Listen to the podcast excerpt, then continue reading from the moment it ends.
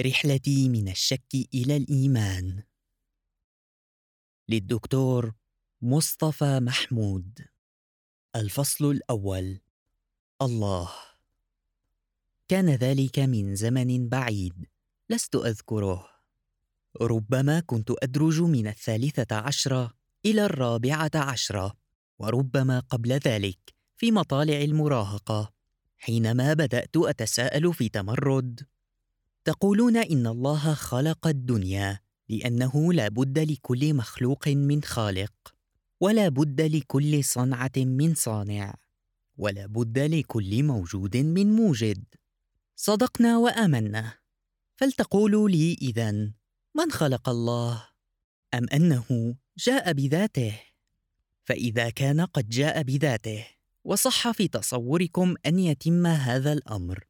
فلماذا لا يصح في تصوركم أيضا أن الدنيا جاءت بذاتها بلا خالق وينتهي الإشكال؟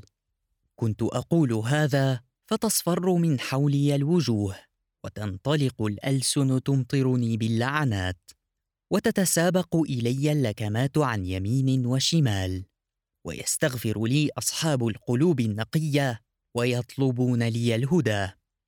ويتبرأ مني المتزمتون ويجتمع حولي المتمردون فنغرق معا في جدل لا ينتهي إلا ليبدأ. ولا يبدأ إلا ليسترسل. وتغيب عني في تلك الأيام الحقيقة الأولى وراء ذلك الجدل. إن زهوي بعقلي الذي بدأ يتفتح وإعجابي بموهبة الكلام ومقارعة الحجج التي انفردت بها كان هو الحافز دائما وكان هو المشجع وكان هو الدافع. وليس البحث عن الحقيقة ولا كشف الصواب. لقد رفضت عبادة الله لأني استغرقت في عبادة نفسي وأعجبت بومضة النور التي بدأت تومض في فكري مع انفتاح الوعي وبداية الصحوة من مهد الطفولة. كانت هذه هي الحالة النفسية وراء المشهد الجدلي الذي يتكرر كل يوم. وغابت عني أيضا أصول المنطق وأنا أعالج المنطق ولم أدرك أني أتناقض مع نفسي إذ أعترف بالخالق ثم أقول ومن خلق الخالق؟ فأجعل منه مخلوقا في الوقت الذي أسميه فيه خالقا وهي السفسطة بعينها. ثم إن القول بسبب أول للوجود. يقتضي أن يكون هذا السبب واجب الوجود في ذاته وليس معتمدا ولا محتاجا لغيره لكي يوجد. أما أن يكون السبب في حاجة إلى سبب فإن هذا يجعله واحدة من حلقات السببية ولا يجعل منه سببا أول. هذه هي أبعاد القضية الفلسفية. التي انتهت بأرسطو إلى القول بالسبب الأول والمحرك الأول للوجود. ولم تكن هذه الأبعاد واضحة في ذهني في ذلك الحين ولم أكن قد عرفت بعد من هو أرسطو ولا ما هي القوانين الأولى للمنطق والجدل. واحتاج الأمر إلى ثلاثين سنة من الغرق في الكتب وآلاف الليالي من الخلوة والتأمل والحوار مع النفس. وإعادة النظر ثم إعادة النظر في إعادة النظر ثم تقليب الفكر على كل وجه لأقطع الطريق الشائكة من الله والإنسان إلى لغز الحياة إلى لغز الموت إلى ما أكتب اليوم من كلمات على درب اليقين. لم يكن الأمر سهلا لأني لم أشأ أن آخذ الأمر ماخذا سهلا ولو أني أصغيت إلى صوت الفطرة وتركت البداهة تقودني. لاعفيت نفسي من عناء الجدل ولقادتني الفطرة إلى الله. ولكني جئت في زمن تعقد فيه كل شيء وضعف صوت الفطرة حتى صار همسا وارتفع صوت العقل حتى صار لجاجة وغرورا واعتدادا. والعقل معذور في إسرافه إذ يرى نفسه واقفا على هرم هائل من المنجزات. وإذ يرى نفسه مانحا للحضارة بما فيها من صناعة وكهرباء وصواريخ وطائرات وغواصات. وإذ يرى نفسه قد اقتحم البر والبحر والجو والماء وما تحت الماء فتصور نفسه القادر على كل شيء وزج بنفسه في كل شيء. وأقام نفسه حكما على ما يعلم وما لا يعلم. وغرقت في مكتبة البلدية بطنطا وأنا صبي. أقرأ لشبلي شميل وسلامة موسى وأتعرف على فرويد وداروين. وشغفت بالكيمياء والطبيعة والبيولوجيا. وكان لي معمل صغير في غرفتي. أحضر فيه غاز ثاني أكسيد الكربون وثاني أكسيد الكبريت وأقتل الصراصير بالكلور. وأشرح فيه الضفادع. وكانت الصيحة التي غمرت العالم هي العلم العلم العلم ولا شيء غير العلم. النظرة الموضوعية هي الطريق. لنرفض الغيبيات ولنكف عن إطلاق البخور وترديد الخرافات. من يعطينا دبابات وطائرات ويأخذ منا الأديان والعبادات؟ وكان ما يصلنا من أنباء العلم الغربي باهرا يخطف أبصارنا.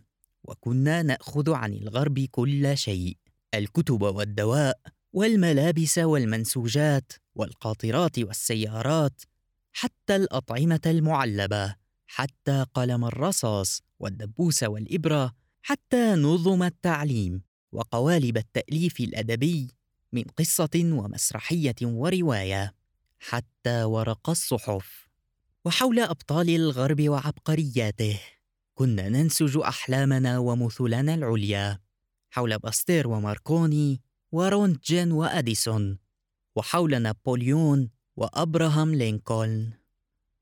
وأبراهام لينكولن وكريستوفر كولومبوس وماجلان. كان الغرب هو التقدم وكان الشرق العربي هو التخلف والضعف والتخاذل والانهيار تحت أقدام الاستعمار. وكان طبيعيا أن نتصور أن كل ما يأتينا من الغرب هو النور والحق وهو السبيل إلى القوة والخلاص. ودخلت كلية الطب لأتلقى العلوم بلغة إنجليزية وأدرس التشريح في مراجع إنجليزية وأتكلم مع اساتذتي في المستشفى باللغة الإنجليزية.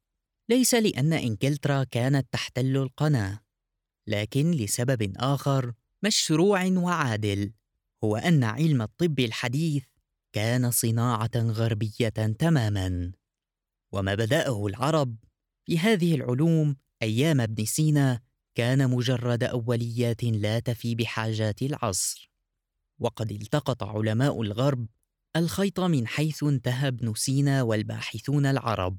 ثم استأنفوا الطريق بإمكانيات متطورة ومعامل ومختبرات وملايين الجنيهات المرصوده للبحث. فسبقوا الأولين من العرب والفرس والعجم وأقاموا صرح علم الطب الحديث والفيزيولوجيا والتشريح والباثولوجيا وأصبحوا بحق مرجعا. وتعلمت مع ما تعلمت في كتب الطب النظرة العلمية. وأنه لا يصح إقامة حكم بدون حيثيات من الواقع وشواهد من الحس وأن العلم يبدأ من المحسوس والمنظور والملموس وأن العلم ذاته هو عملية جمع شواهد واستخراج قوانين. وما لا يقع تحت الحس فهو في النظرة العلمية غير موجود وأن الغيب لا حساب له في الحكم العلمي. بهذا العقل العلمي المادي البحت بدأت رحلتي في عالم العقيدة. وبالرغم من هذه الأرضية المادية وهذا الانطلاق من المحسوسات الذي ينكر كل ما هو غيب فإني لم أستطع أن أنفي أو أستبعد القوة الإلهية. كان العلم يقدم إلي صورة عن الكون بالغة الإحكام والانضباط. كل شيء من ورقة الشجر. إلى جناح الفراش إلى ذرة الرمل فيها تناسق ونظام وجمال. الكون كله مبني وفق هندسة وقوانين دقيقة.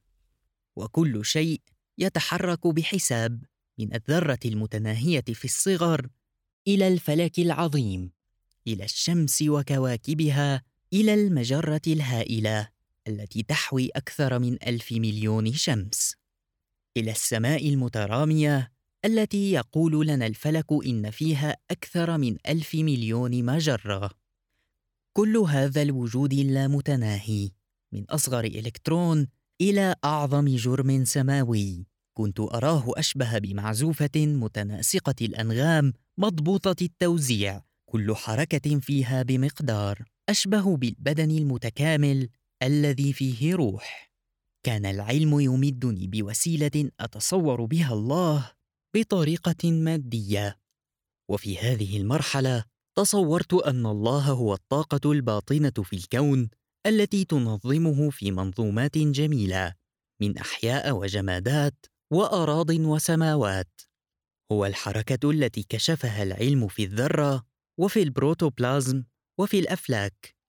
هو الحيوية الخالقة الباطنة في كل شيء أو بعبارة القديس توماس الفعل الخالص الذي ظل يتحول في الميكروب حتى أصبح انسانا وما زال يتحول وسيظل يتحول إلى ما لا نهاية. والوجود كان في تصوري لا محدودا لا نهائيا إذ لا يمكن أن يحد الوجود إلا العدم والعدم معدوم. ومن هنا يلزم منطقيا أن يكون الوجود غير محدود ولا نهائي. ولا يصح أن نسأل من الذي خلق الكون؟ إذ أن السؤال يستتبع أن الكون كان معدوما في البداية ثم وجد. وكيف يكون لمعدوم كيان؟ إن العدم معدوم في الزمان والمكان وساقط في حساب الكلام ولا يصح القول بأنه كان. وبهذا جعلت من الوجود حدثا قديما ابديا ازليا ممتدا في الزمان لا حدود له ولا نهاية. وأصبح الله في هذه النظرة هو الكل ونحن تجلياته. الله هو الوجود والعدم قبله معدوم. هو الوجود المادي الممتد ازلا وابدا بلا بدء وبلا نهاية. وهكذا أقمت لنفسي نظرية تكتفي بالموجود وترى أن الله هو الوجود دون حاجة إلى افتراض الغيب والمغيبات ودون حاجة إلى التماس اللامنظور وبذلك وقعت في أسر فكرة وحدة الوجود الهندية وفلسفة سبينوزا وفكرة بيركسون عن الطاقة الباطنة الخلاقة وكلها فلسفات تبدأ من الأرض من الحواس الخمس. ولا تعترف بالمغيبات. ووحدة الوجود الهندية تمضي إلى أكثر من ذلك فتلغي الثنائية بين المخلوق والخالق فكل المخلوقات في نظرها هي عينا الخالق. وفي سفر اليوبانيشاد صلاة هندية قديمة تشرح هذا المعنى في أبيات رقيقة من الشعر. إن الإله براهما الذي يسكن قلب العالم. يتحدث في همس قائلا. إذا ظن القاتل أنه قاتل والمقتول أنه قتيل فليسا يدريان ما خفي من أساليبي حيث أكون الصدر لمن يموت والسلاح لمن يقتل والجناح لمن يطير وحيث أكون لمن يشك في وجودي كل شيء حتى الشك نفسه وحيث أكون أنا الواحد وأنا الأشياء. إنه إله يشبه النور الأبيض واحد وبسيط ولكنه يحوي في داخله على ألوان الطيف السبعة. وعشت سنوات في هذا الضباب الهندي وهذه الماريجوانا الصوفية ومارست اليوغا وقرأتها في أصولها وتلقيت تعاليمها على أيدي أساتذة هنود وسيطرت علي فكرة التناسخ مدة طويلة وظهرت في روايات لي. مثل العنكبوت والخروج من التابوت. ثم بدأت أفيق على حالة من عدم الرضا وعدم الاقتناع واعترفت بيني وبين نفسي أن هذه الفكرة عن الله فيها الكثير من الخلط. ومرة أخرى كان العلم هو دليلي ومنقذي ومرشدي. عكوفي على العلم وعلى الشريحة الحية تحت الميكروسكوب قال لي شيئا آخر. وحدة الوجود الهندية كانت عبارة شعرية صوفية ولكنها غير صادقة.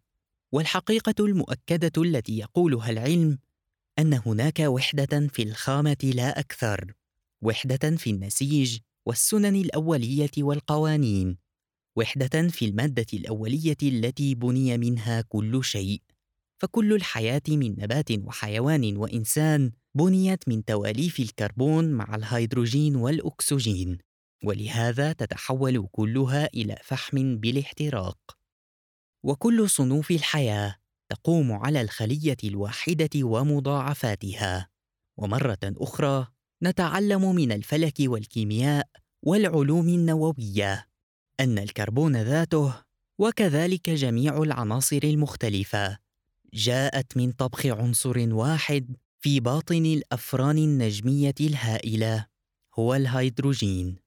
الهيدروجين يتحول في باطن الأفران النجمية إلى هيليوم وكربون وسيليكون وكوبالت ونيكل وحديد إلى آخر قائمة العناصر وذلك بتفكيكه وإعادة تركيبه في درجات حرارة وضغوط هائلة.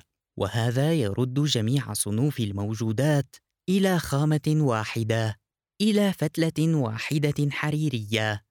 غزل منها الكون في تفصيلات وتصميمات وطرز مختلفه والخلاف بين صنف وصنف وبين مخلوق ومخلوق هو خلاف في العلاقات الكيفيه والكميه في المعادله والشفره التكوينيه لكن الخامه واحدة وهذا سر الشعور بالنسب والقرابه والمصاهره وصله الرحم بين الانسان والحيوان وبين الوحش ومروضه وبين الأنف التي تشم والزهرة العاطرة وبين العين ومنظر الغروب الجميل. هذا هو سر الهارمون والانسجام. إن كل الوجود أفراد أسرة واحدة من أب واحد وهو أمر لا يستتبع ابدا أن نقول إن الله هو الوجود وأن الخالق هو المخلوق. فهذا خلط صوفي غير وارد. والأمر شبيه بحالة الناقد الذواق الذي دخل معرضا للرسم فاكتشف وحدة فنية بين جميع اللوحات واكتشف أنها جميعا مرسومة على الخامة نفسها وبذات المجموعة الواحدة من الألوان. وأكثر من هذا أن أسلوب الرسم واحد والنتيجة الطبيعية أن يقفز إلى ذهن الناقد أن خالق جميع هذه اللوحات واحد. وأن الرسام هو بيكاسو أو شاغال أو مودولياني مثلا.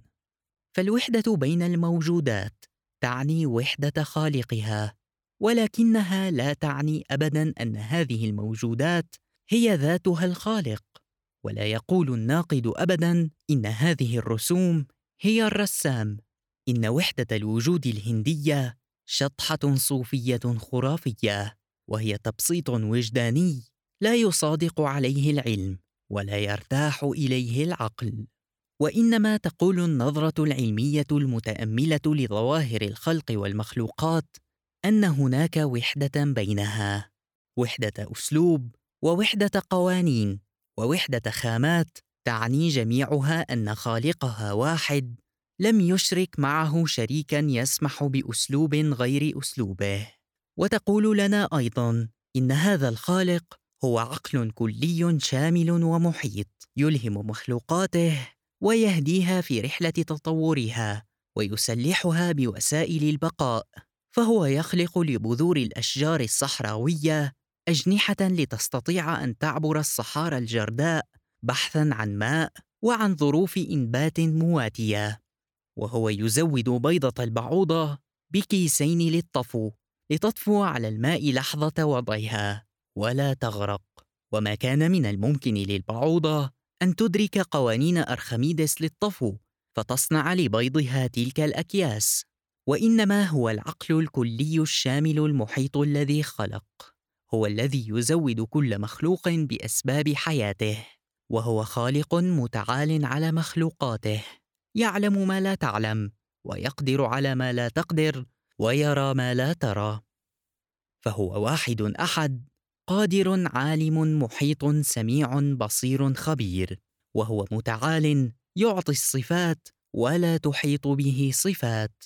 والصلة دائما معقودة بين هذا الخالق ومخلوقاته فهو أقرب إليها من دمها الذي يجري فيها. وهو المبدع الذي عزف بإبداع هذه المعزوفة الكونية الرائعة. وهو العادل الذي أحكم قوانينها وأقامها على نواميس دقيقة لا تخطئ. وهكذا قدم لي العلم الفكرة الإسلامية الكاملة عن الله. أما القول بأزلية الوجود لأن العدم معدوم والوجود موجود فهو جدل لفظي لا يقوم إلا على اللعب بالألفاظ. والعدم في واقع الأمر غير معدوم وقيام العدم في التصور والفكر ينفي كونه معدوما. والعدم هو على الأكثر والعدم هو على الأكثر نفي لما نعلم ولكنه ليس نفيا مطلقا مساويا للمحو المطلق. وفكرة العدم المطلق فرضية مثل فرضية الصفر الرياضي. ولا يصح الخلط بين الافتراض والواقع ولا يصح تحميل الواقع فرضا نظريا. فنقول اعتسافا إن العدم معدوم ونعتبر أن هذا الكلام قضية وجودية نبني عليها احكاما في الواقع. هذا تناقض صريح وسفسطه جدلية.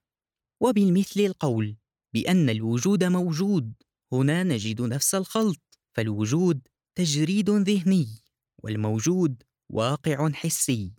وكلمة العدم وكلمة الوجود تجريدات ذهنية كالصفر واللانهايه لا يصح أن نخلط بينها وبين الواقع الملموس المتعين والكون الكائن المحدد أمام الحواس.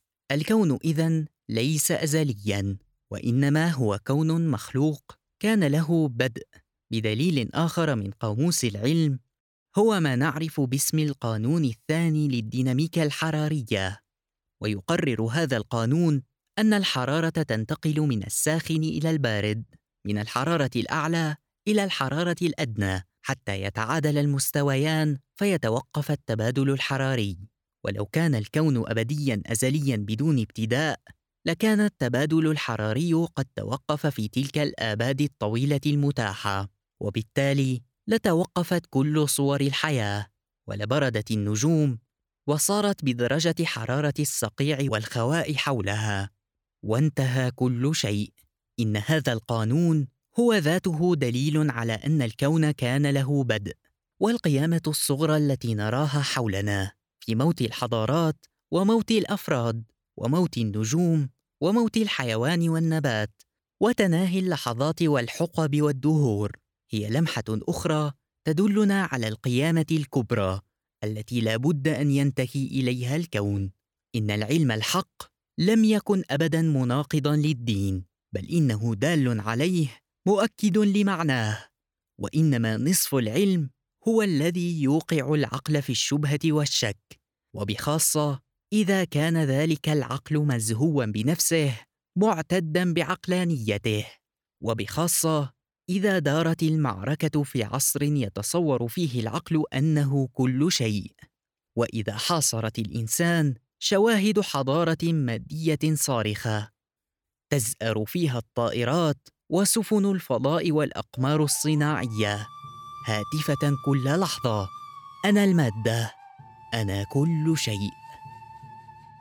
نهاية الفصل الأول. قرأه عليكم يامن مراد.